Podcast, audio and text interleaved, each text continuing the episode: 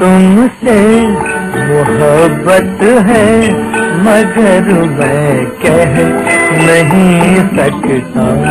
मुझे तुमसे मोहब्बत है, मगर मैं कह नहीं सकता।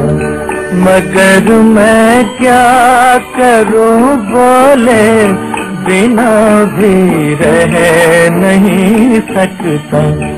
मुझे तुमसे मोहब्बत है मगर मैं कह नहीं सकता।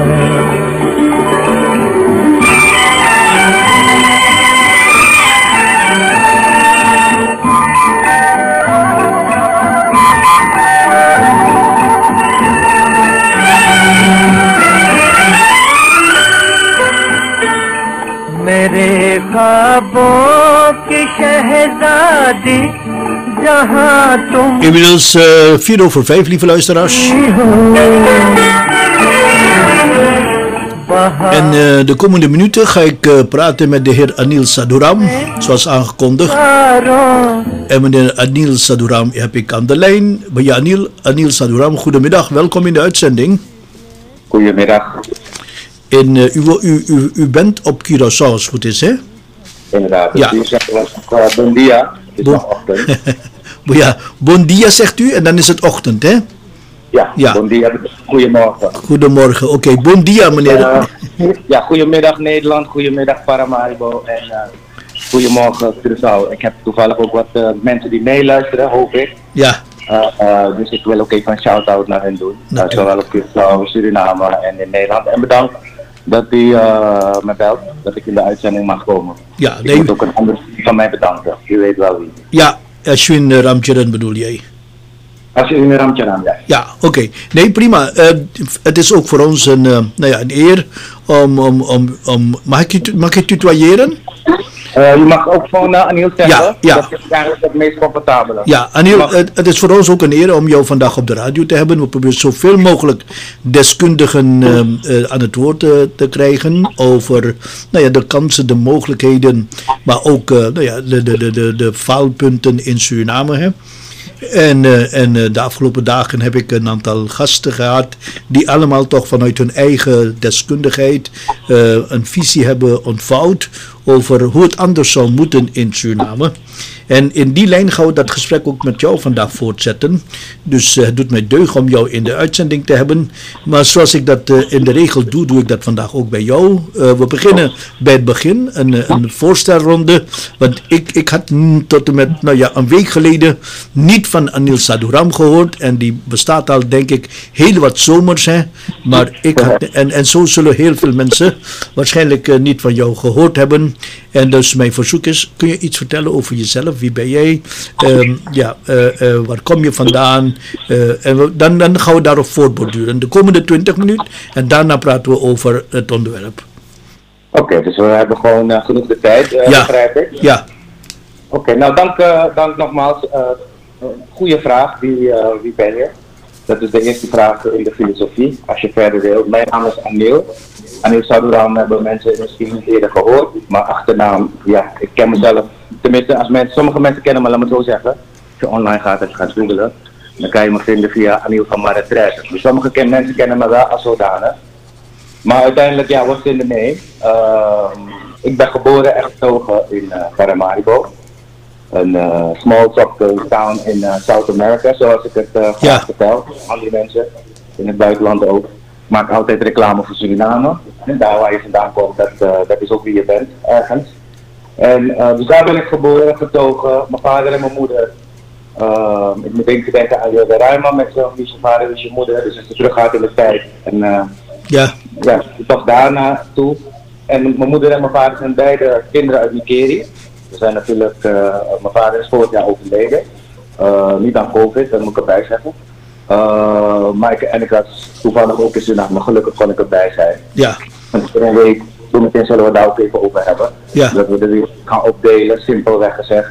In de tijd eh, van eh, BC en de tijd van AC. Maar daar komen we straks op terug. ja, En eh, dus mijn ouders die zijn van Nikeri. Mhm. Ehm, toevallig, ja, als je iets wil weten tegenwoordig ga je googlen.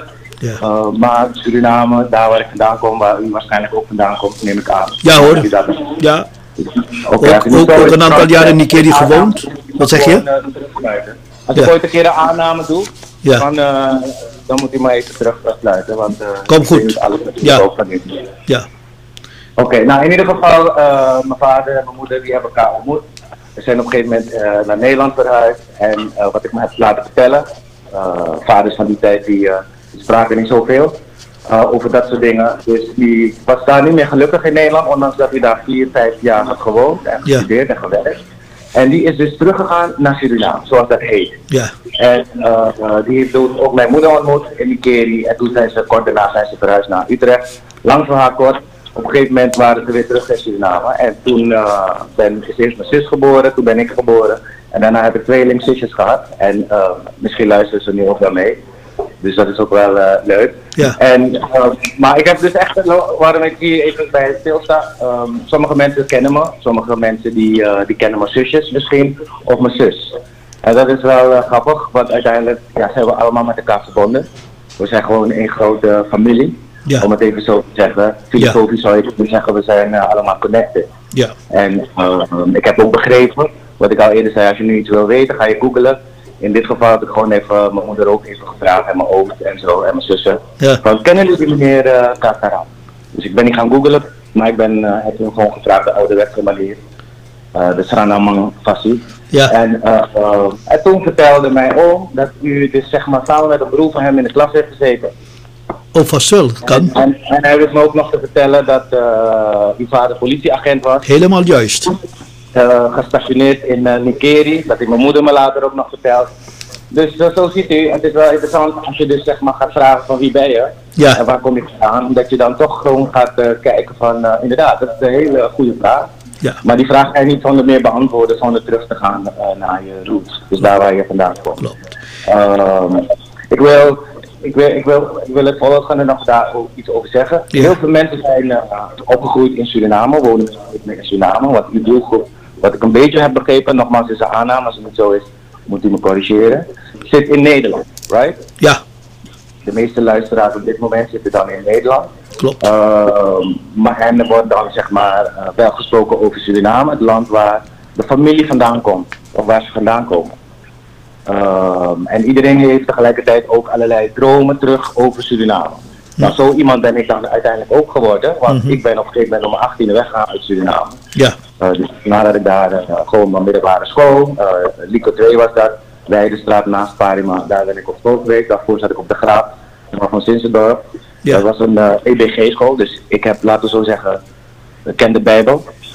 van kaf tot kaf heb ik hem bij wijze van spreken gelezen. Dat is best wel interessant, want wij komen ja, als je uit Suriname komt, dan word je met alle geloven, zeg maar zo'n beetje, alle religie een beetje opgegroeid. Ja. Vandaag is bijvoorbeeld ook uh, Ramadan, de begin, het begin ervan heb ik begrepen. Ja. Dus uh, dat wordt ook in Suriname gevierd. In, uh, maar het is ook Auratri, heb ik begrepen. dus dat wordt ook gevierd. En recent hadden we Pasen, dus dat Ja. werd ook gevierd. Dus met al dat soort invloeden ben ik ook opgegroeid en zo ging ik dus naar Nederland. En Nederland kende ik niet zo goed. Want ik ken het alleen maar van verhalen, van familie en van films op tv en weet ik het allemaal niet. Dus ik kwam eigenlijk in Delft bij een oom van me. Um, ik wil het niet te abstract houden, hè. ik wil het dus gewoon een beetje persoonlijk ook maken.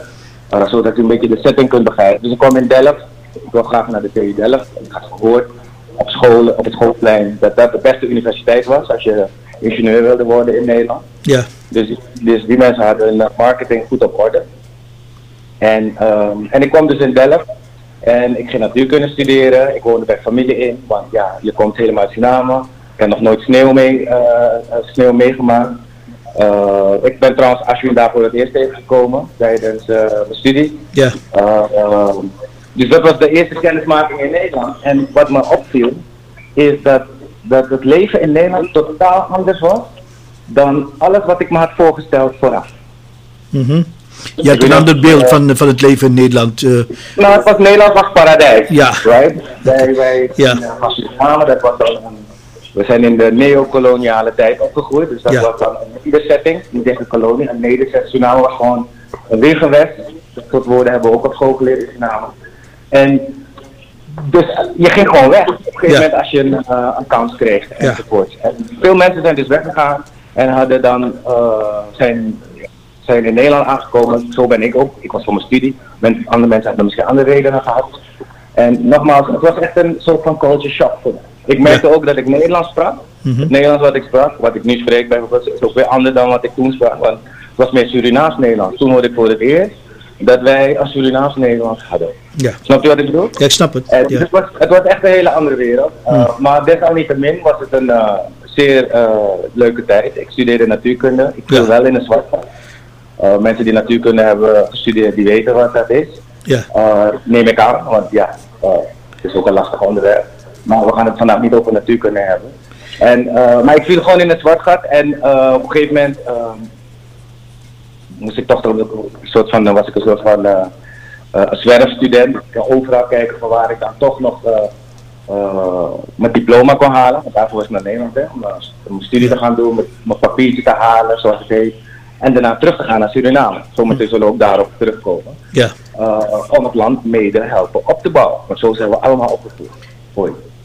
En uh, dus ik, ja, ik, ik, ik, ik struggelde wel. Dat, dat was eigenlijk best wel een moeilijke periode. Ja. Uh, uh, voor mijn gevoel ben ik uh, gelukkig in contact gekomen met filosofie. Ja. Dus wijsbegeerte noemen, noemen ze dat in het Ja. Nederlands. Kijk, wij zijn ook opgegroeid met filosofie thuis. Iedere Surinamer is, uh, laten we zeggen, 50% filosoof, zeggen ze soms ook.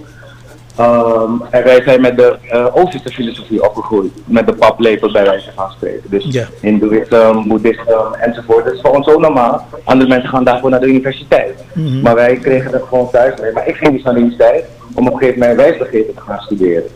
En wat ik het meest interessante vond daar, is dat, uh, ja, eigenlijk merkte ik gewoon dat daar wat daar verteld werd en de onderwerpen die daar besproken werden, veel interessanter waren uiteindelijk en veel meer antwoorden. Er waren meer vragen die werden gesteld, want de filosoof heeft geen per se antwoorden, stelt meer vragen dan wat anders. Maar wat ik wel merkte is dat veel vragen die ik had, tijdens mijn studie al, of, eh, ik ben ook niet zomaar gaan studeren, ik had echt fascinatie voor, voor bepaalde onderwerpen. En ik wilde gewoon echt weten hoe alles in elkaar zat. Daarom Ja. ga je ook natuurkunde studeren, enzovoort. Uh, maar bij filosofie pas kreeg ik het idee van, oké, de natuurkunde ben je dus meer bezig met de hoe-vraag. Hoe maak je iets of hoe zit iets in elkaar? Ook als je het straks hebt over politiek Ja. en staatsoprichting, hoe richt je zoiets in? Mhm. Hè? Dus dan ga je het hebben over de hoe. Maar bij de wijsbegeerte, uh, ik gebruik dat woord bewust, uh, leerden we dus nadenken over de why. De waarom. Uh, waarom zijn dingen zoals ze zijn? Ja. En heel veel wetenschappers, kwam ik ook achter, zijn daar niet mee bezig met die vraag. Want die gaan gewoon die gaan uit van bepaalde aannames, de grondslag van de wetenschap. Dat is gewoon zo. Bijvoorbeeld economen, die zijn opgegroeid en als het niet zo is, dan mogen ze me slaan online. Maar bij wijze van spreken. Maar die zijn opgegroeid met het model van ceteris paribus. Mhm. Dus we veranderen één ding en we doen alsof de rest gelijk blijft. Dat is even de vrije, vrije vertaling. Ja. Dat is een soort van, uh, achteraf gezien, schijnwetenschap. Want wat leer je daar nou uit? Je doet alsof alles constant is in de wereld, alleen maar één ding ga je veranderen. Bijvoorbeeld de prijs van een product en gaat kijken hoe consumenten daarop reageren. Nou, zo werkt het natuurlijk niet. Dat zien we nu ook wel. De wereld is gewoon complex.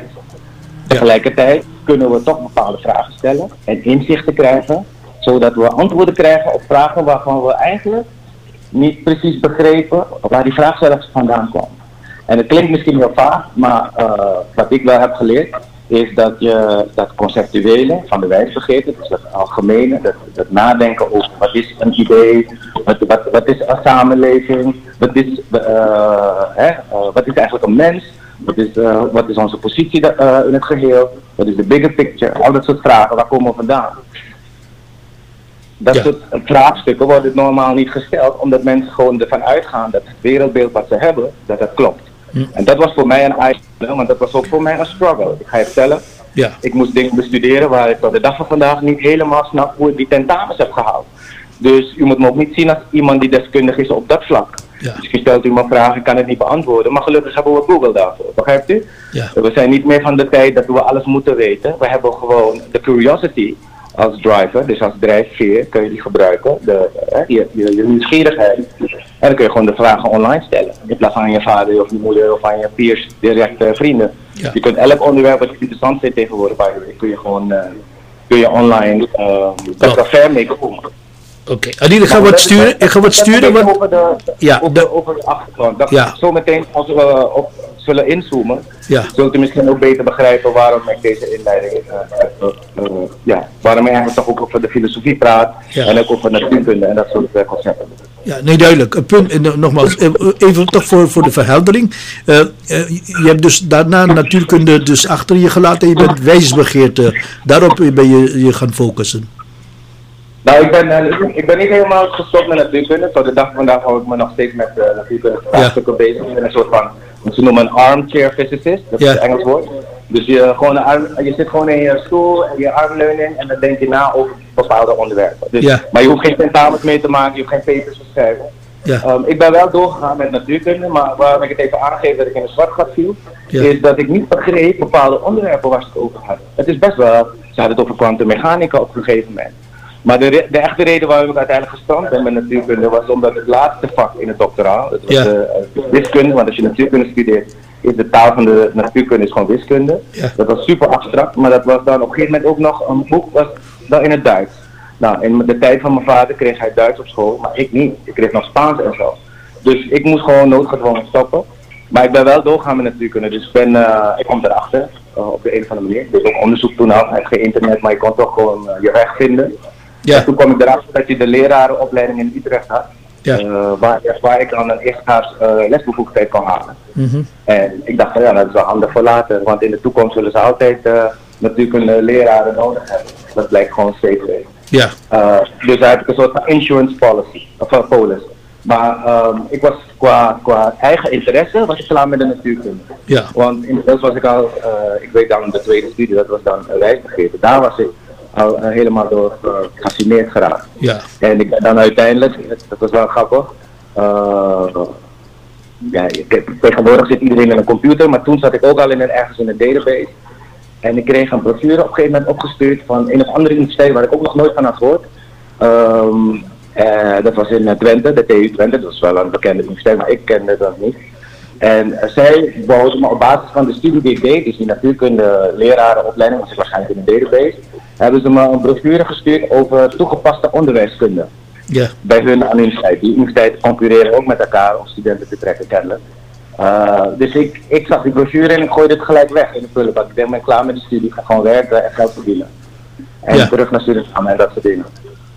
En, uh, maar dat ding, die brochure die viel in de prullenbak, en, maar met de rug uh, zichtbaar. En ik zag de hele lijst van studierichtingen. En ik kwam erachter dat wat ik dus op eigen kracht deed, twee studies combineren, vraag me niet hoe. Uh, maar goed, als je student bent heb je meer tijd dan gemiddeld. Je hebt nog minder verantwoordelijkheden. Je hebt andere issues, maar, uh, want je moet je studie wel halen. Ja. Je hebt niet al dat soort verantwoordelijkheden. Ik kwam erachter dat zij dus een soort van dubbel doctoraal programma hadden bedacht voor mensen die ingenieur wilden worden, maar zich toch bezig hielden met de, met de, ja, met de ethische, sociaal-maatschappelijke vraagstukken van technologie. En uh, dus dat, dat, dat zag ik allemaal in die brochure en toen heb ik eigenlijk niet gedraald en toen ben ik gewoon geswitcht. Uh, ben ik ook dus afgestudeerd in Twente. Uh, maar ik hoefde niet meer te reizen en zo. Ik heb gewoon mijn scriptie gewoon thuis geschreven. Ik verstuurd via Ja. e-mail bij de tentamen bij professoren thuis. Maar dat is een hele andere tijd. Studenten van nu zullen denken van waar heeft die man het over? Wij moeten allemaal, allemaal online uh, onze colleges volgen. Ja, er waren andere tijden, waren andere tijden. Hè? Uh, uh, bedoel, uh, ik, ik heb nog gestudeerd in de tijd dat ik mijn scriptie op een typemachine, zeg maar. Ja, dat was, dat was, dat was natuurlijk zweten. Want je moest één behendig zijn in het typen en twee, het duurde natuurlijk heel lang voordat je een stuk helemaal klaar had. Dus dat waren weer andere tijden. En kennelijk heb jij ook in die tijd gestudeerd. Belangrijk is dat jij dus uiteindelijk je studie hebt afgemaakt. Je, hebt je bent ook gepromoveerd, heb ik begrepen. Uh, Nou, nou nee, dat niet. Nee. Uh, ik ben wel professor op mijn elfde genoemd door mijn juf. Wat zei je nog? Uh, de lagere school. Ik ben wel, nee, ik ben, geen, uh, ik ben niet gepromoveerd. Ik ben wel professor genoemd door mijn juf van de lagere school in de Ja. tweede klas. Ja. Maar ja, dat moet je natuurlijk met de kwaliteit zout nemen. Nee, Ja. dus ja, maar je, ben bent niet, je, je, oké, je, je hebt dus niet een PhD gedaan. uh, ik wou dat wel doen. Ik Ja. heb wel gesproken met de professoren daarover. Maar ik ben toen een eigen bedrijf begonnen. Ja. Ik ben vanuit Curaçao, vanuit Nederland. Dus toen. Toen dacht ik van ja, ik stop met, eh, met die hele studie. Oké, duidelijk. We hebben, we, hebben, we hebben een goed beeld van, van, van jou nu. Ik, bedoel, ik denk dat je ons heel erg mee hebt genomen in wie je bent, waar je vandaan komt. Eh, zoveel Ja. dat je, dat je ook eh, natuurlijk ook over je ouders en eh, je hele familie het een en ander duidelijk hebt gemaakt. Prima. Eh, we gaan nu naar het onderwerp waar, we, waar, we, waar ik graag met jou toch ook de komende eh, minuten wil praten, want daar ging het uiteindelijk vandaag om. Ehm, de verbinding, tenminste de brug maken naar Suriname. eh, vanuit eh, vanuit nou ja, eh, de interesse van vele Surinamse Nederlanders voor natuurlijk de ontwikkeling al daar. En we zien dat, eh, dat eh, toch wel het land worstelt om uit de malaise te komen. de Pinari, regering na regering na regering, wil het maar niet lukken om het volk van Suriname, 600.000 mensen, een beetje normaal menswaardig bestaan te bieden.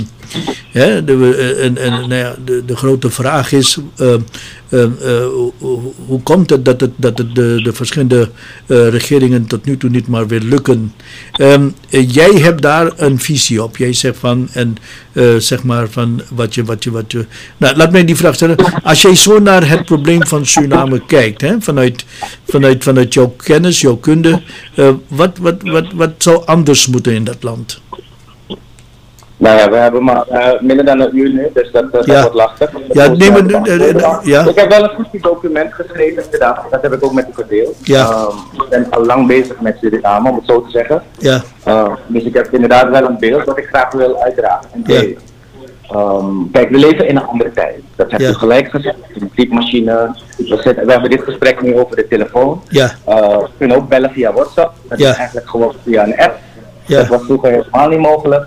Dus de wereld is inderdaad veranderd. We Ja. hoeven ook geen boek meer te schrijven, we hebben tegenwoordig podcast. Alhoewel, onze voorouders die waren ook van de mondelinge informatieoverdracht. Maar goed, we leven in andere tijden. Ik heb, ik heb het stuk opgesteld. Ik heb me ook een beetje na zitten. Ik heb ook geluisterd naar eerdere gesprekken die u met andere mensen heeft gehad. ja, Dus laten we zo zeggen, ik heb me een beetje proberen te verdiepen. Ehm, ik heb me zeker verdiept in Suriname. I'm out of Suriname now. Ik ben vanuit Curaçao natuurlijk. Dus dat uh, I, I, you can take the man out of Suriname, but you cannot take Suriname out of the man or the woman. Dus Ja. we zien inderdaad die vraag die je stelt. Het is een probleem. We, zien het, we stellen het ook als een probleem. Je zou het ook kunnen stellen als een uitdaging. Dat heeft hij ook gesteld. Dat vind ik ook een eh, betere vertaling. Dus de challenge. Het is een challenge voor ons allemaal. Ehm, kijk, u gaat mij niet horen zeggen van wat er allemaal niet goed gaat, want dat een beleid is oneindig in principe. Snapt u? ja. Wat zitten de uitdagingen wat u betreft? Ik bedoel, natuurlijk wel, bedoel, wat er Nou, de uitdaging is Ja, wat u zegt. Er zijn zoals 600.000 mensen daar. Er zijn mensen van vlees en bloed. ja, Uh, het zijn onze families, toch? Hoe dan ook. We zijn, eh, we zijn eh, waar je ook bent, je bent Suriname. Je bent verbonden door de familie. Dus we, kunnen die, en we steunen die mensen al op onze manier. De mensen vanuit Nederland sturen geld, pakketten, weet ik dat maar niet. Maar dat is niet een structurele oplossing, toch? Je wil, je wil, daarom ben ik ook gaan studeren. Dat was de moraal van het verhaal. Je moet, Ja. je moet, eh, je moet ergens moeite voor doen. Je moet, je moet inspanning leveren.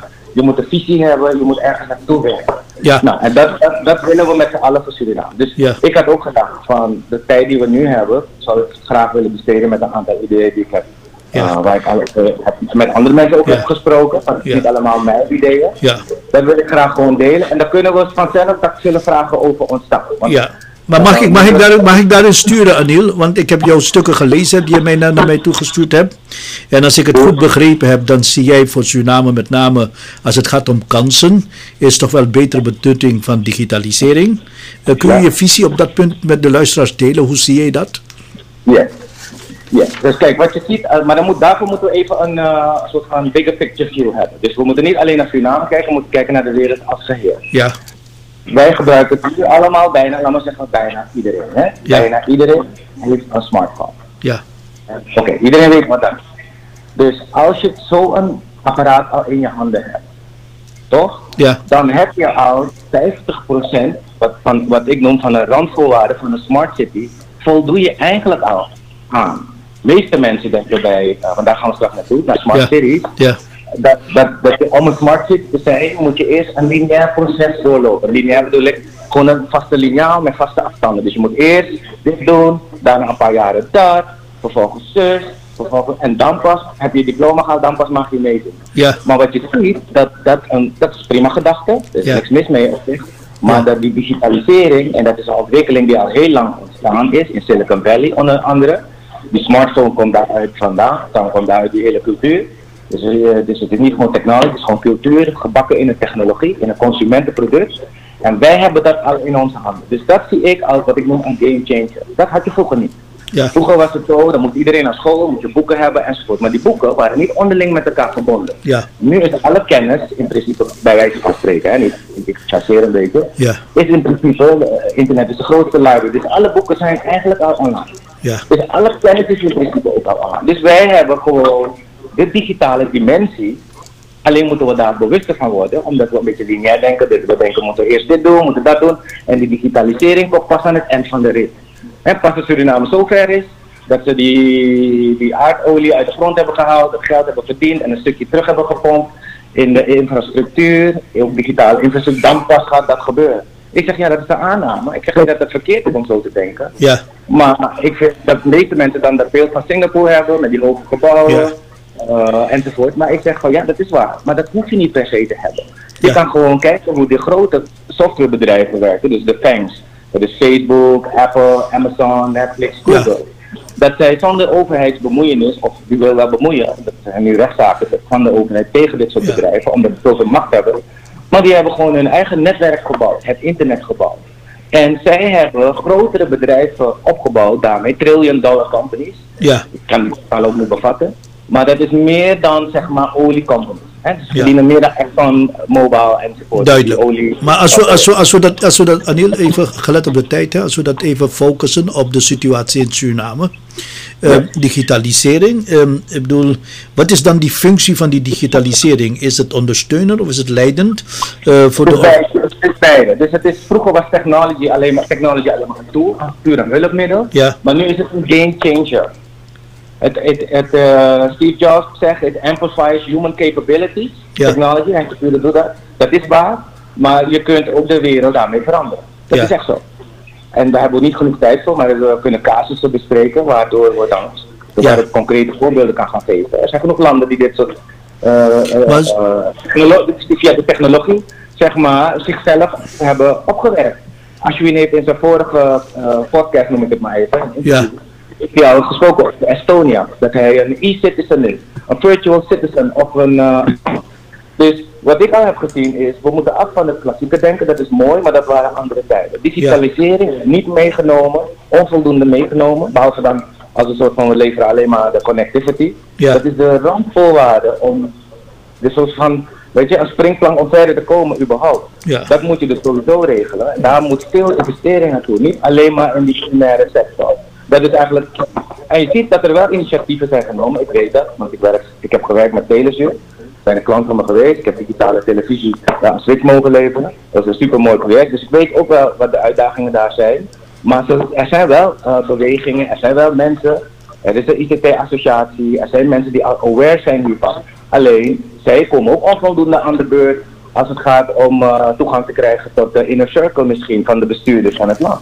Maakt niet uit welke regering er is. Ja, maar wat, wat, wat moet nou digitalisering, hè? even om het, om het wat, wat concreter voor de mensen te Maar je maken. moet iedereen- even, moet Annie, wel wat moet, nee, nee, maar wat moet digitalisering concreet inhouden voor Suriname? Hoe zie je dat? Nou kijk, je kan niet alles eh, in één dag doen, dus je Ja. gaat in stappen. Maar wat ik heb gedacht van, en dat heb ik ook voorgesteld, Ja. is er zijn veel mensen die initiatieven hebben. Ja. Ik ben niet de enige die iets eh, te melden heeft, laat me het zo zeggen. Ja, Dus ik heb daarom voorgesteld, laten we beginnen met eh, een soort van nieuwe kaart van Suriname te maken. Een digitale kaart. Wat bedoel ik daarmee?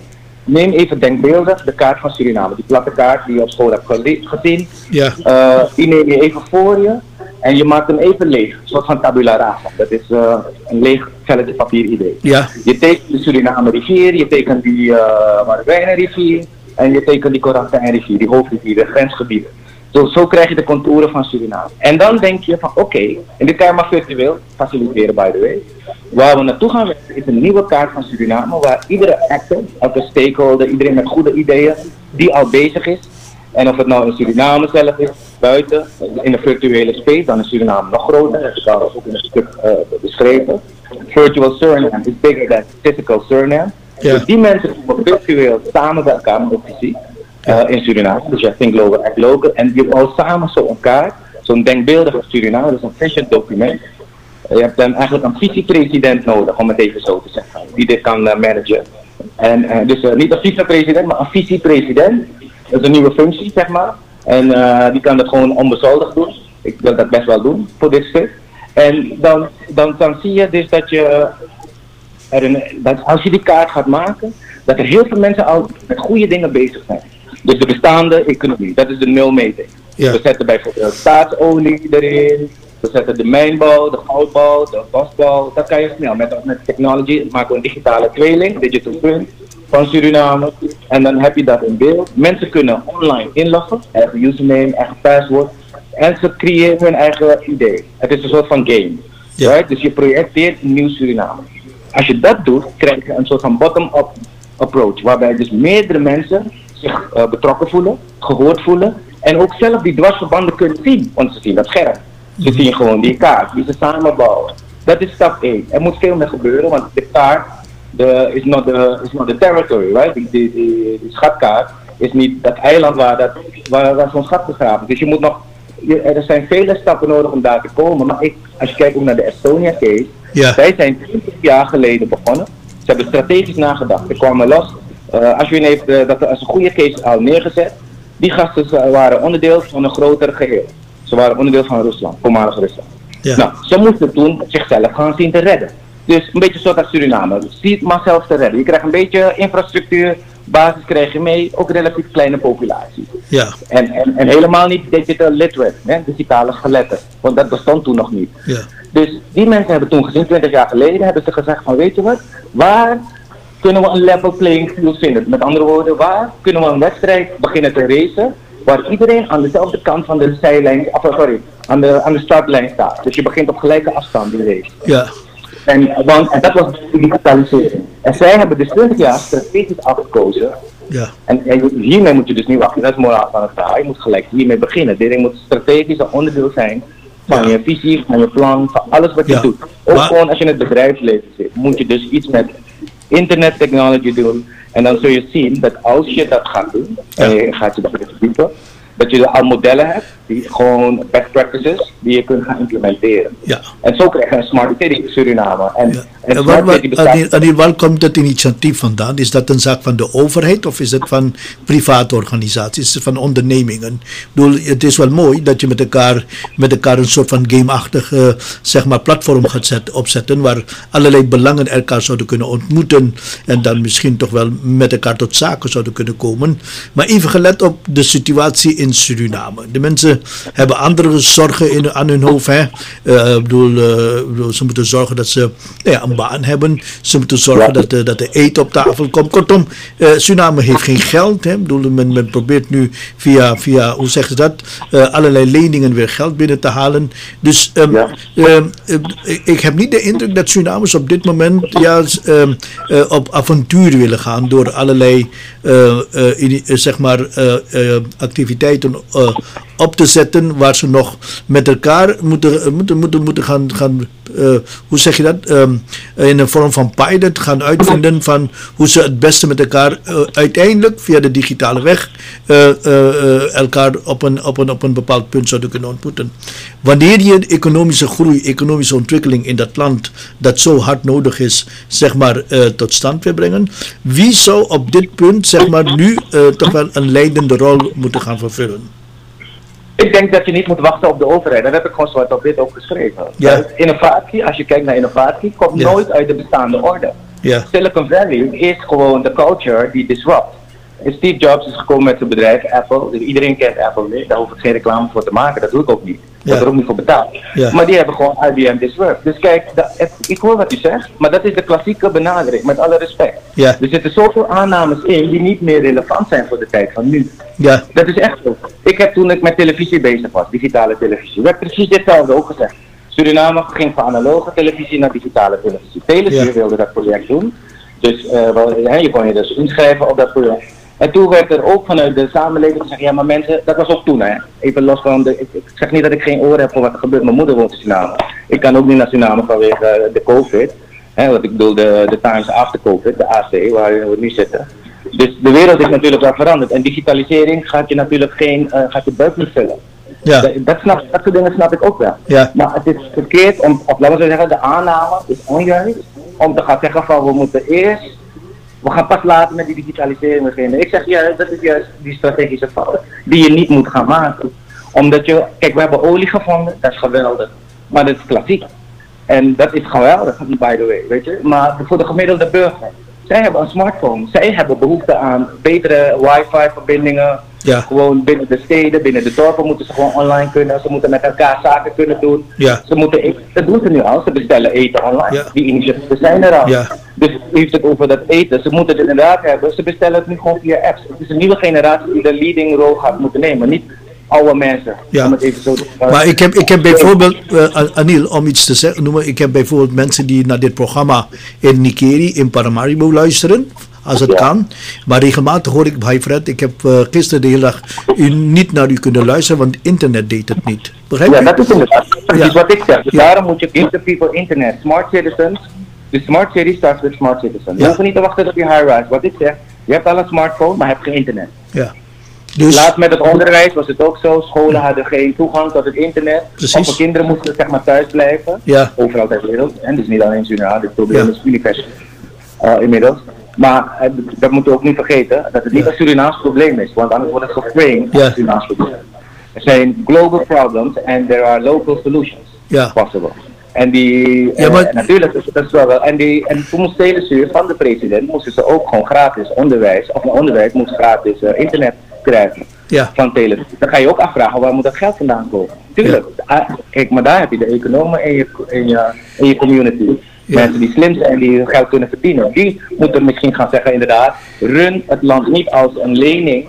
Doe niet lening na lening. Ik snap niet wie dat doet, maar ik heb geen verstand van centen op dat, op dat niveau. Ja. Dus ik ga daar ook geen eh, oordeel over kunnen geven. Maar wat ik wel weet, is dat je wel een startup mentality. Dus je kunt Ja. wel een enterprise, een soort van zakenkabinet wordt er soms genoemd. Maar ik zeg, kijk gewoon naar Silicon Valley. Niet alles wat daar vandaan komt is goed. Maar zij staan aan de bakermat van de samenleving. En wij denken dat we niet zo ver zijn, maar we zijn al zo ver. En die persoon die klaagt, ik snap dat. Maar ik weet wel nogmaals over dat punt van televisie. Toen werd er ook gezegd, mensen hebben geen geld om televisie eh, te kijken. Pay-TV was Nee, hè? maar waar, waar, waar, waar- nee, dat punt van die Maar, meneer, die- dat punt punt, was toen, sorry, sorry, het punt was toen, mensen hadden wel gewoon een Blackberry, dat moet ik Ja. nog even zeggen. Want anders denkt hij van, ik zeg maar wat. Ik, ben, ik heb gewoon veel research, hè, dus gewoon feitelijke eh, ervaring. Dat- ja, en dit zei Telesus zelf, want die konden de cijfers zien. Mensen hebben wel geld voor de Blackberry. En hoe kan dat dan? En Ja. mensen klagen. Dus het is niet alleen technology inderdaad. Het is eh, eh, raakt wel inderdaad het punt. U moet wel denken aan cultuur. Dat is een mindset. We, gaan dat, we moeten ook naar onszelf kijken. Hm. Hè? Dus eh, wat, wat willen we zelf? Kijk, het is makkelijk om kritiek te leveren. Dat zie ik ook, dat Ja. hoor ik ook. Maar dat, zo, zoals ik kritiek zie, is je kan stenen nemen of modder nemen en op andere mensen smijten. Of je kan die stenen nemen en gaan samen die stad opbouwen. Bij wijze van spreken. ja, maar even toch, toch naar, een- naar, naar een overheid, een, een, Anil, een overheid, een overheid is eh, toch wel leidend hè, in, het, in het meenemen van de burgers, het volk, eh, op innovatie. niet. hè? Dat, vind ik dus niet. Dat vind je niet? aanname. Nee. Nee, maar dat is een soort van slachtoffermentaliteit. Nou ja, En als, Nietzsche als, eh, eh, Nietzsche heeft daarover geschreven. Nietzsche heeft daarover geschreven. Kijk, eh, tuurlijk, je moet het volk natuurlijk eh, niet laten verpauperen. ja, Maar het is een complex spel, dus ik kan ook kunnen dat niet in dit tijdsbestek oplossen. Maar het is te simpel gezegd dat, want ik vind niet dat Suriname slachtoffers zijn in dat opzicht. Nou ja, het feit, Eh, dat, het feit, het feit dat infrastructuur op het ICT-vlak, eh, eh, nou ja, eh krakkemiekerig is, niet, niet, niet optimaal is. Ehm, ik bedoel, dat, dat Ja, maar begin daar een bedrijf, dan zou ik zeggen, begin daar een bedrijf in, want die boer, inderdaad, ja, die wil ook televisie op zijn smartphone en die wil Ja. data voor een eh, eh, ding. Maar iedereen kijkt alleen naar de business case, maar wat ik wel weet is dat de grote bedrijven, Ja. zoals Facebook, die doen gewoon ook projecten in Chili. Met, eh, dus je hoeft niet te wachten op de overheid. nee, maar die overheid, die overheid is ook gelinkt aan de burgers. Denk aan burgerzaken bijvoorbeeld, denk aan de belastingdienst, Ja, dat is een hele goeie. Dat is inderdaad, daar, moet ja. daar kan je niet onder de overheid. Ja. Absoluut. toch? Absoluut. En, en in die zin zou die overheid daar die infrastructuur voor moeten neerzetten, dat die een efficiënter eh, en eh, zeg maar een, een innovatievere overheid is. En dat, Mag ik wel een verhaal vertellen? Mag ik wel een verhaal vertellen hoe de grote bedrijven dit hebben aangepakt met smart ten aanzien van smart city? vertel. Kijk, ik zeg niet dat alles van die smart city oké is. En de wereld van de, is veranderd. Hè? Dus wat ze vroeger hebben bedacht, hoe die smart city in de toekomst eruit zou zien, hoe steden eruit zouden zien, vergeet dat. Daarom bedoel ik, vergeet die hele tekentafel. Al die rapporten kunnen gewoon de prullenbak in. Ja, We hebben nu gewoon een hele nieuwe scenario. Dus Suriname heeft ook dat als uitdaging. Dus daar moeten we naar kijken. We hebben inderdaad een, een, een probleem. Digitalisering gaat niet alle problemen oplossen. Ik zeg dat is gewoon een van de pijlers, maar het is wel de belangrijk, een van de belangrijkste Ja. pijlers. Ja. Ik weet ook dat de overheid inderdaad eh, soms eh, de leading role zou moeten nemen. Dat ben ik met u eens. Ja. Als het gaat om een klimaat te creëren van vertrouwen. Hè? Ja. Vertrouwen is niet vroeger niet wat dat woord betekende, je leerde het op school. Maar dat de economie draait om vertrouwen, ik begrijp dat nu wel, ja. En, eh, en veel mensen snappen dat ook wel. Dat vertrouwen moet je verdienen ook. En dat is inderdaad een probleem. Ja. Dus, dus, dus dat, en dat, maar dat is een hele andere... eh, dat Ja, nee, maar als we kijken naar de Europese Unie, de Europese Unie heeft twee, of is het, eh, 200 miljard in Ja. het kader van corona nu beschikbaar gesteld, waarvan een groot deel naar Italië gaat, hè, heb ik begrepen. En dat is met name om, om, om, om het gebied van ICT, zeg maar, eh, eh, eh, die gelden in die landen te investeren. Ik bedoel, die overheid, die overheid ziet het belang van een, een, een goed functionerend, zeg maar, ICT-infrastructuur, waardoor landen in de Europese Unie, maar ook de lokale eh, gemeenschappen in landen beter op elkaar zijn afgestemd en bereikbaar zijn. Eh, Ja, die we zijn wat verder. We zijn verder op die maturity curve, zoals Ja. we dat noemen. Ze zijn wat matureder Ja. in, en ze hebben meer ervaring. De cultuur zijn, zijn meer digital savvy. I agree. Ik snap dat dat een issue is. Ja, maar er zou toch in Suriname, dat verhaal in de Suriname zou die ook, kijk, die Surinamese, m, wat, wat ik zei, de mensen in Suriname, die zitten op een ander niveau, die hebben een andere mentaliteit, die hebben een ander probleem. Ja? En, en, zou dan die overheid nu daarin bijvoorbeeld, door bijvoorbeeld eh, zelf op dat punt, eh, door initiatieven te ondernemen, door te investeren in een beter, eh, die, zeg maar, digitale netwerk. Maar moet de overheid het werk doen? Moet de overheid die kabels gaan trekken? Die, modems Nee, die, nee, nee, die overheid die nee, het gaat bij mij om de visie. Het gaat bij mij dat die overheid een visie heeft naar zijn volk, naar het land, waarmee zij zeg maar het volk verder wil nemen. Eh, En dan, en dan, en dan via digitale, die digitale processen, hè, en dat, dat die overheid die kabel niet gaat trekken, dat, dat snap ik wel. Maar het ligt toch bij die overheid om dat beleid op te maken. Dus toch aan die Oh ja, overheid. dus, ja en, inderdaad. Het is, het is ook zo. Het is it takes two to tango. Je kan het niet in je eentje doen als je geen vergunning hebt bijvoorbeeld. Ik kan Ja. zeggen, je gaat een internetbedrijf daar beginnen met Ja. connectivity bieden enzovoort. En je krijgt geen vergunning van de telecomautoriteiten daar. Ja. Omdat er afspraken zijn gemaakt met de vergunninghouders op dit moment. Op dat vlak. Tuurlijk. Er Een SWOT analysis moet worden gemaakt. Er moet opnieuw worden gemaakt. Ik heb niet alle antwoorden by the way. Ja, Maar, maar kijk, IBM, Cisco, die zijn gewoon naar de, de, de United States of America, hun government gegaan. En hebben Ja. gewoon meetings met die mensen gehouden. ja, En hebben gewoon die mensen gewoon presentaties gegeven over enterprise software eigenlijk. Dat werd, want, want die grote bedrijven moesten een nieuwe markt vinden. Die hele, zo zijn die smart cities ook ontstaan. Die grote bedrijven investeerden al. Vliegtuigmaatschappijen moeten een ERP-systeem hebben, e-business systeem, om alle afdelingen met elkaar te verbinden. Dus ook eigenlijk een overheidsuitdaging, toch? ja, Dus dat soort problemen zijn een soort van universele uitdaging. Dus die bedrijven, die zagen dat ze, die, die technologybedrijven, softwarebedrijven, die zagen dat hun markt instortte, zijn naar overheden gegaan. Ongeveer 12, 15 jaar geleden. En hebben ze hun dat concept van smart cities gekocht. Een ideale wereld, een soort van utopie. Maar er zitten wel onderdelen van in die nog steeds relevant zijn. En sterker nog in een versnelling terechtkomen door die COVID juist. ja, En dan zie je dus dat zij dat project hebben geïnitieerd. En de overheid heeft dat gefaciliteerd. ja. Dus als je gaat wachten op de overheid, in dat opzicht ga je natuurlijk bedrogen uitkomen. Want zij hebben die expertise, niet per se. Maar ze moeten inderdaad de hongerige maanden direct voeden. Zij hebben dus korte termijn problemen. Maar je moet het af, je moet, ik ben geen bestuurder daar, ik heb die verantwoordelijkheid niet. Ik vertel gewoon even wat ik denk. Dit kan je gewoon meenemen. En by the way, het gebeurt al. Het is niet zo dat ik iets verzin wat daar niet gebeurt. Hè. Er zijn webinars in Suriname op dit moment. Er zijn mensen die bezig zijn met onderwijs op een ander niveau aan te bieden. Eh, het is niet zo dat het daar allemaal stilstaat. Die, die, die schaarste, waarin ik ook ben opgegroeid. Ik heb in de rij gestaan voor olie, Ja. melk. Toen was, ik nog, toen was ik nog niet lactose intolerant. Maar dat was voor ons thuis, weet je, kip. Alles moesten we in de rij staan. Die tijd heb ik gewoon meegemaakt. Ja. Dus wij zijn toen creatiever geworden. Dus het is niet goed om te zeggen van ja, we pinaren en daarom moeten we gaan kijken naar de overheid. Silicon Valley is juist niet gaan kijken naar de overheid. Ze hebben wel overheidsopdrachten gehad. Maar die privébedrijven die daaruit zijn ontstaan, zijn gewoon ontstaan vanuit garages van mensen. Ja, maar, maar heeft, heeft Ja. Suriname, Adil, heeft Suriname die potentie? Hebben, kijk, eh, ik bedoel, we moeten natuurlijk over, we praten nu over verschillende werelden. Hè? We hebben het over eh, de Verenigde Staten van Amerika. Groot land, met, een, met historie op het wetenschappelijk-technologisch vlak. eh, is er jaren, eeuwen geëxperimenteerd. Hè? Ja, En- moeten wij dus ook even wachten? Nee, nee, nee, nee, nee maar wat, wat, ik, wat ik naartoe wil, is dat dus die, die, die dus de kun je dus niet met, met, met Amerika vergelijken. En wat, wat, wat daar gebeurd is. Eh, Ik bedoel, mijn vraag is, eh, ik bedoel, heeft Suriname, als we kijken naar de bevolking, eh, eh, en zeg maar de, de eh, sociaal-economische infrastructuur, heeft Suriname die potentie dat ze op korte termijn uit hun, eh, dus zonder overheidsbemoeienis, uit particulier initiatief, een, een model van een smart city zouden kunnen op, op, optuigen. Heeft Suriname die, die, die, die potentie? Je stelt nu een retorische vraag. Het antwoord is, is bekend. Nee, het is geen, ik stel die vraag echt aan jou, omdat jij zegt van je moet niet te veel naar de overheid kijken, het moet van, van de mensen zelf komen. Eh, ik bedoel, eh, dus, ik bedoel, en, dan- en als het antwoord is nee, dan komen we dus terug bij mijn vraag. Dan is het antwoord ja, de overheid is in deze leidend.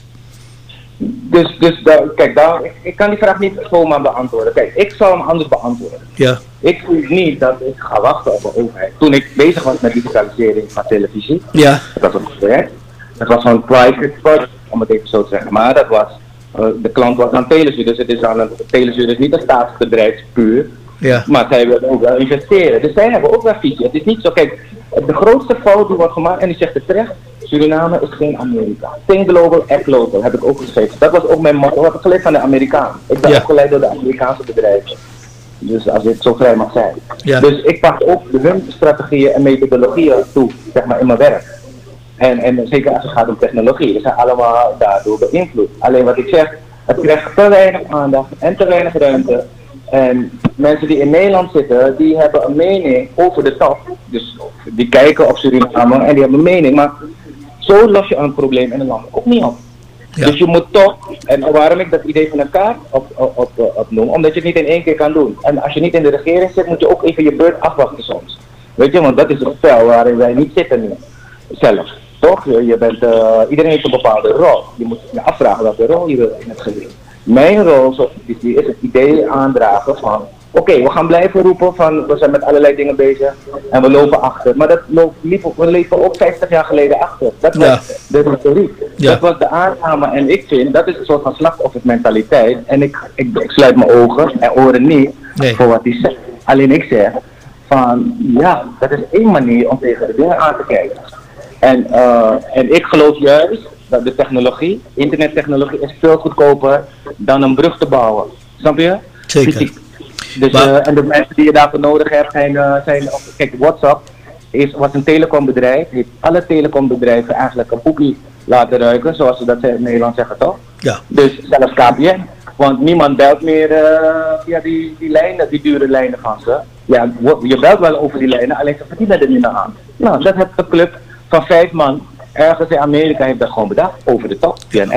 Duidelijk. En iedereen gebruikt het. Zo is het ook met Netflix. De wereld is echt veranderd, de paradigma's zijn veranderd en dat staat onvoldoende op de agenda. En Ja.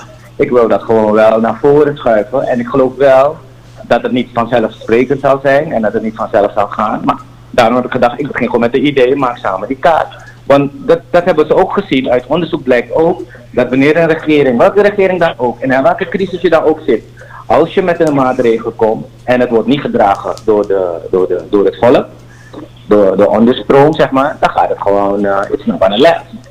ja, En, en dus wat je dus nu ziet is, we hebben de opportunity. Iedereen heeft een smartphone. De overheid hoeft die smartphone niet te kopen voor ze. Dat hebben ze toch gehad. Dat is 50% van de randvoorwaarden. De overheid zou gewoon bedrijven moeten uitnodigen. Als ze het zelf ook niet weten, dat hoeft ook niet. Je hoeft ook niet alles te weten. Ik weet ook niet alles. Niemand weet alles. We moeten ook af van dat idee. We hebben gewoon Google. En als we het niet weten, hebben we denktanks enzovoort waarin we gewoon een beetje ons kunnen verdiepen.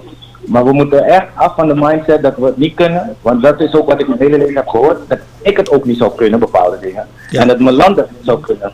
En, en ik denk, als we daarin te veel energie stoppen, dan kom je gewoon niet verder. Ja. En je moet inderdaad niet denken dat je vanuit Nederland gaat komen en dat je daar die mensen dat gaat vertellen. Want dat woordje diaspora klinkt mooi, ik hou niet van het woord.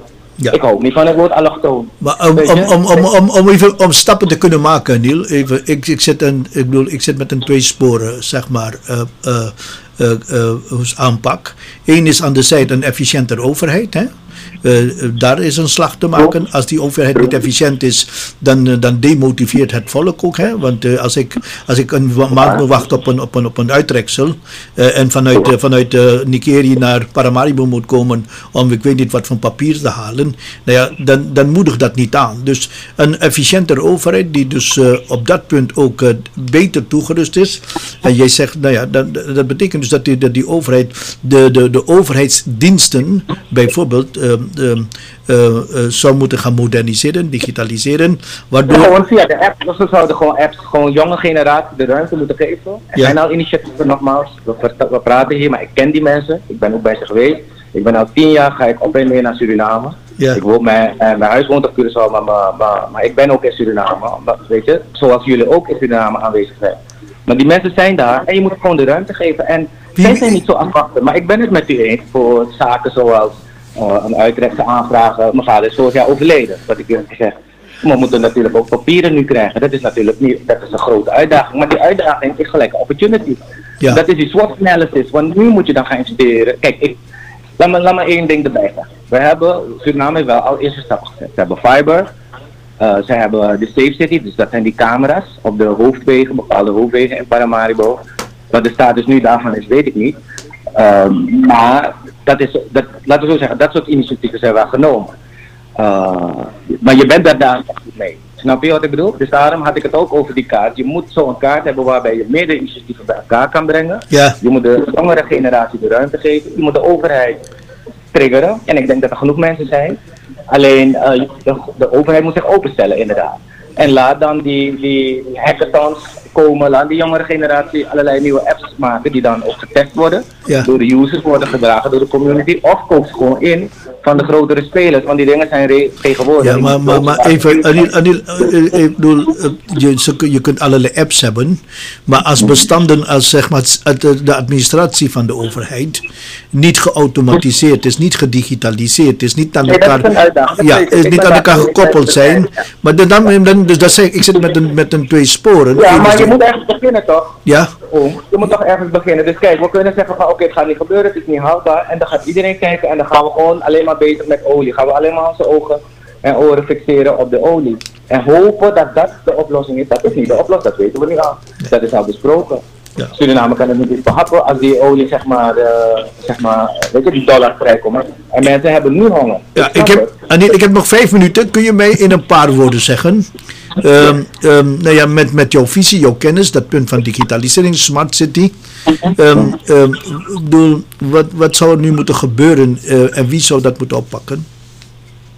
Er, er moeten meerdere dingen gebeuren, het is een complex probleem. En ik denk dat iedereen, eh, ik, ik zit niet in de, ik zit niet in de regering, dus ik weet niet precies wat zij doen. Ja. Want je moet ook niet alleen naar de buitenkant kijken, want misschien is het topje van de ijsberg wat ze doen, we weten het Ja. niet. Weet je, Ja. het is complex. Ja, Dus dat, ik kan daar ook niet over oordelen. Nogmaals, wat ik wel zie uit mijn eigen ervaring, dus dit is inderdaad een crisis. ja, En, en deze crisis kun je gewoon eh, blijven huilen. ja, Maar ik, eh, kijk, laat, laat me iets anders zeggen, we hebben vijf minuten. Ja, Eh, laten we de analogie nemen van de smartphone weer terug. Want dat wordt steeds vergeten. Mensen hebben dat al. U onderschat dat. Maar weet u wat een telefoon gemiddeld kost? ja, heel veel Maar die geld. mensen kopen dat. Ja. Die mensen kopen dat. Hè. Ja. Ze kopen ook Apple. Apple iPhones gewoon voor 1000 US. Dat kopen die mensen Maar, ook. maar niet iedereen er toch? er is- Anil, Anil, Anil, toch niet? iedereen. Dus Niet, niet, niet iedereen. Dat zijn, de mensen, dat zijn de mensen die het geld hebben, maar hoe groot is die groep die het geld hebben, heeft? En, en, toch? Dus, eh, dus dat moeten we ook even, even niet uit het oog verliezen. Eh, en, en twee, en, en, en net wat ik zeg, als in mijn huis internet wegvalt, dan kan ik niet meer bellen, kan ik niet meer whatsappen ook. Toch? Nee, maar dat geldt voor iedereen. Ook als je niet plan bent, als jij, eh, dat heb ik ook gezegd, internet is tegenwoordig net Ja. zo'n basisbehoefte. Ja. elektriciteit, Ja. stromen niet water. Ja. Dus, dus je- je kan niet zonder dat. Ja. En dus, maar dat betekent ook, kijk, aan één kant die digitalisering heeft zijn voor- en zijn nadelen. Als je alles digitaliseert, want je de voorste bent, en dan komt een mega hack, want dat is ook gebeurd met Estonia. Dus dat is allemaal niet zo perfect, hè? Ja. En internet kost ook heel veel geld en internet security is duurder dan ooit. En eh, er is meer fake news dan ooit. Weet je, dus het is gewoon complexer dan we inderdaad in die paar minuten en, en dat uurtje kunnen bespreken. Ja, Maar, maar we- we- het wordt gezien als een uitdaging. Ik zie dat niet als een uitdaging. Ik zie er is al heel veel op dit vlak gedaan. Er is een ICT-associatie. Ik weet dat die banken ook met hun apps bezig zijn. Het werkt allemaal niet perfect.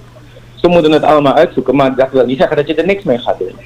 Maar wat ik ook wel wil zeggen is, je moet inderdaad niet alle innovatie doorvoeren. Want je moet je wel gaan afvragen wat gebeurt er met die data. Wie mis, eh, want die data moet niet misbruikt worden. Dat is Ja. natuurlijk de grote problemen die de grote bedrijven en de grote landen hebben. Die hebben wij ook straks met die data en die smart city. En, eh, en, en want als de overheid bepaalde informatie heeft, bijvoorbeeld met die Safe City Kamer, een van de redenen wat ik me heb laten vertellen door taxichauffeurs, weet je, ik weet niet of het echt zo is, eh, is waarom dat Safe City project niet echt een succes is, is omdat mensen in Suriname hebben dat idee van eh, een buitenvrouw, een buitenman en zo, dat soort ja, dingen. ja. Eh, dus die willen niet dat eh, worden gezien met die facial recognition van die, van die kamer. Ik weet niet of die kamers zo geavanceerd zijn, maar in principe kunnen ze dat wel. Dus dat dat ook de reden kan zijn waarom bepaalde innovaties niet wordt doorgevoerd. Ik noem gewoon even een gek voorbeeld. Hè. Ja, ja, nee, duidelijk. Ja, En, en kijk, zo kunnen er ook redenen zijn waarom mensen zeggen, weet je wat, ik ga het kadaster helemaal niet automatiseren, digitaliseren, die mensen kunnen maar wat. Want ik wil juist in troebel water kunnen vissen. Dat ja, snap ik. nee, maar het een overheid. Een overheid, een overheid moet boven dat soort zaken staan. Die Nou ja, overheid kijk, die is rationeel, die overheid is eh, neutraal en die overheid is betrouwbaar. Die overheid die wetten het en regels. Wat u beschrijft is Ja. het ideaal van de overheid. En Ja. de vraag is of dat zo is overal. Ja, maar dat, dat zeg ik. Daarom zeg ik, waar, de, kijk, eh, eh, er ligt een hoge mate van verantwoordelijkheid bij die overheid. Hè. Wil, je, wil je een smart city, eh, city Nee, overheid is een van de stakeholders. Sorry, in dit verhaal zie ik. Dus, dus dan gaan we naar die metafoor weer van die Ja. smartphone. Die smartphone is de tool in your hand. Ja, Dat is, dus, is gewoon vuur. Als het ware, vuur is technology. Hè? Want dankzij vuur kan je gewoon civilizations opbouwen. En een, en een wiel. En dat wiel werd dan nou een smartphone. We evolueren. Maar we hebben ook een oud verhaal. Iedereen in het Caribisch gebied kent het. In Suriname waarschijnlijk ook. En met in. Nederland ook. Right? Het verhaal van Anansi. Anansi was een spin die meegekomen is uit, eh, uit Afrika. Dus het is een oervertelling. Folklore zou je kunnen zeggen. Zo zeggen die Nederlanders dat. Maar ik vind het een mooi verhaal en ik ben er opgegroeid. Nou, die Anansi is een spin. Spin is slim. Spin is smart, right? Dus zo gaan we naar het Engels. En zo ga je dan, als je een beetje gaat, eh Ja. uit de box gaat denken, dan, en, en gaat kijken naar inderdaad voorbeelden per elders ter wereld, ja, die het al gedaan hebben, concreet, hoe Ja. ze de economie kunnen vooruit versnellen eh, met, met digitalisering, dan zie je van oké, wij kunnen dus die telefoon gebruiken als een gateway, als een portal, als een tool, om eigenlijk die acht poten van die spin, van die spin Anansi, dat kunnen acht pilaren zijn, of wat je ook wilt, eh, food, shelter, eh, education, Alles- healthcare, alle- alles wat je wilt. En die, alles valt met, met, en staat met, met beschikbare know-how, hè, deskundigheid, Ja, mankracht. En, en mijn, vraag, mijn laatste vraag is, heeft Suriname voldoende eh, geschoolde IT, ITC'ers, mensen in de IT-sector? En dan heb ik het op, eh, op het mbo-hbo-niveau. Of eh, eh, heeft Suriname... En dat Suriname gewoon een tekort heeft, dat is duidelijk. Overal op het Caribisch gebied hebben ze een tekort. Maar er is Ja. ook een tekort aan jobs voor die mensen. Dus als ze zich ook misschien scholen daarin en ze zich alleen maar richten op die Surinaamse Ja, dan, want je kunt tegenwoordig een online ICT-opleiding volgen. Hè? Certificering, het kan eh, heel hands-on zijn, dus dat je software leert eh, maken, coden. Je kunt ook hardware, Internet of Things, dus je kunt echt eh, met, met je handen bezig zijn en programmeren. Dus je kan dat allemaal, alleen als je misschien heb je geen baan lokaal. Dus, maar het idee is als je eenmaal online bent, en dit wordt onvoldoende begrepen, en dat is jammer dat de tijd zo voorbij is, maar we kunnen een andere keer daar verder over ingaan, als je wil. andere keer. Dat, dat, dat, je dus, dat, je dus ziet dat, ehm, ja, dus nogmaals, dat het wel mogelijk is. En, het, en nogmaals, het gebeurt al. En, de, de, en natuurlijk moet je, heb je de overheid nodig, maar en die, en die acht poten van die spin is de overheid maar één poot. Zo kan je het ook zien, want die grote bedrijven doen zaken met de overheid toch? Dus waarom kunnen zij dat wel en wij niet? Dat, dat is ook een gedachte van. Ja, het, gaat, het, gaat om, het gaat om, net wat ik zeg, hè, eh, eh, er moet een uitdaging zijn. En, ehm, en, ehm, en ik, ik bedoel, als we zo naar Suriname kijken, zien we dat op dat vlak toch wel weinig ehm, animo is, weinig bedrijven, weinig particulier initiatief is, eh, die daar toch wel nou ja, brood in zien. En dus dan dat eh, stuk eh, mogelijk uitdaging uit de weg gaan. Nou, weet u, zou, Suriname in dit gesprek kunnen vervangen door Nederland, een plek in Nederland. ja, en of een plek op Curaçao of any, any other plek. En we kunnen hetzelfde gesprek hebben gevoerd.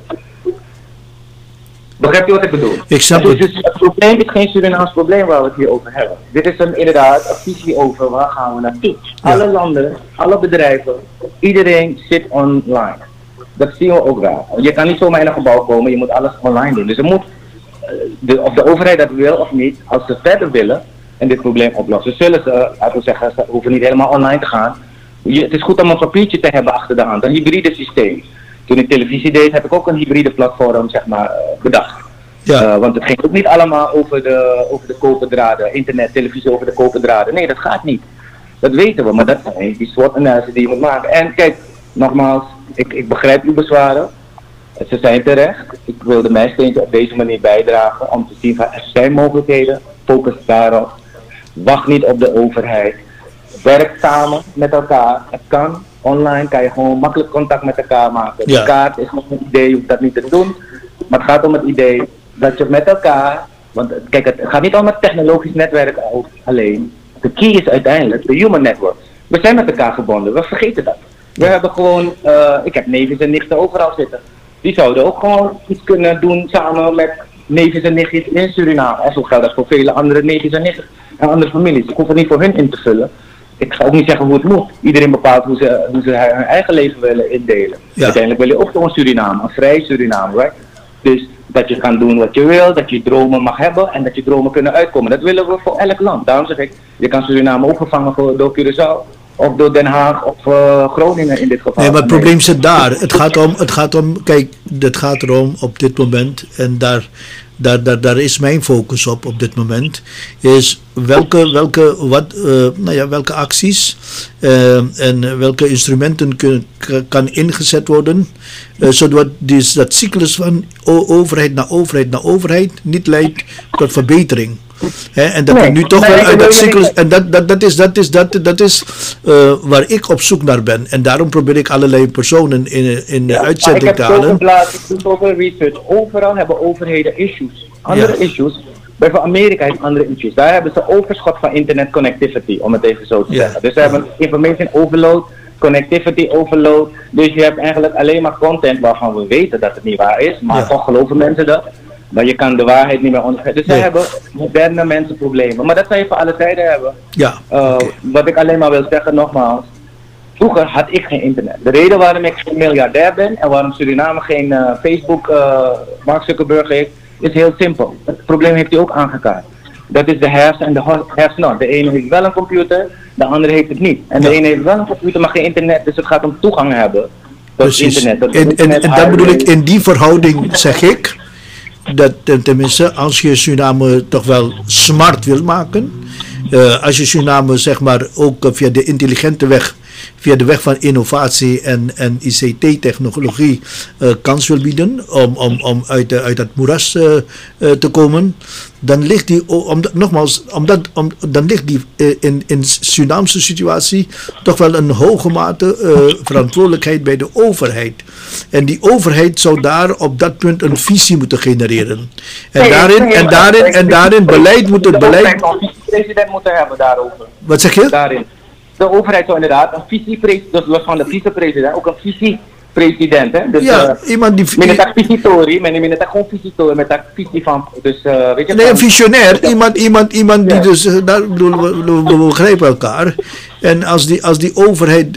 en dan, en, Ja, die overheid zou in bedrijfstermen een CIO moeten aanstellen en in, in, in Suriname geval, omdat Suriname ook nog die olie heeft, dus een industrie, moeten ze ook een CTO. Ja. Dus een Chief Information Officer, om het in bedrijfstermen nogmaals, hè. dus zo'n zo'n ministerie, moet dat, Ja. eh, een projectorganisatie is dat, de Office of the CIO. ja, in, in combinatie met de C, eh, CTO, de Chief Technology Officer. Want Suriname is ook, gaat gewoon ook bruggen bouwen. We hebben olieplatformen straks. Hey, maar, heb jij daar, heb jij daar ik, bedoel, ik, ik begrijp dat jij toch wel daar een, een uitgekristalliseerde ideeën over hebt.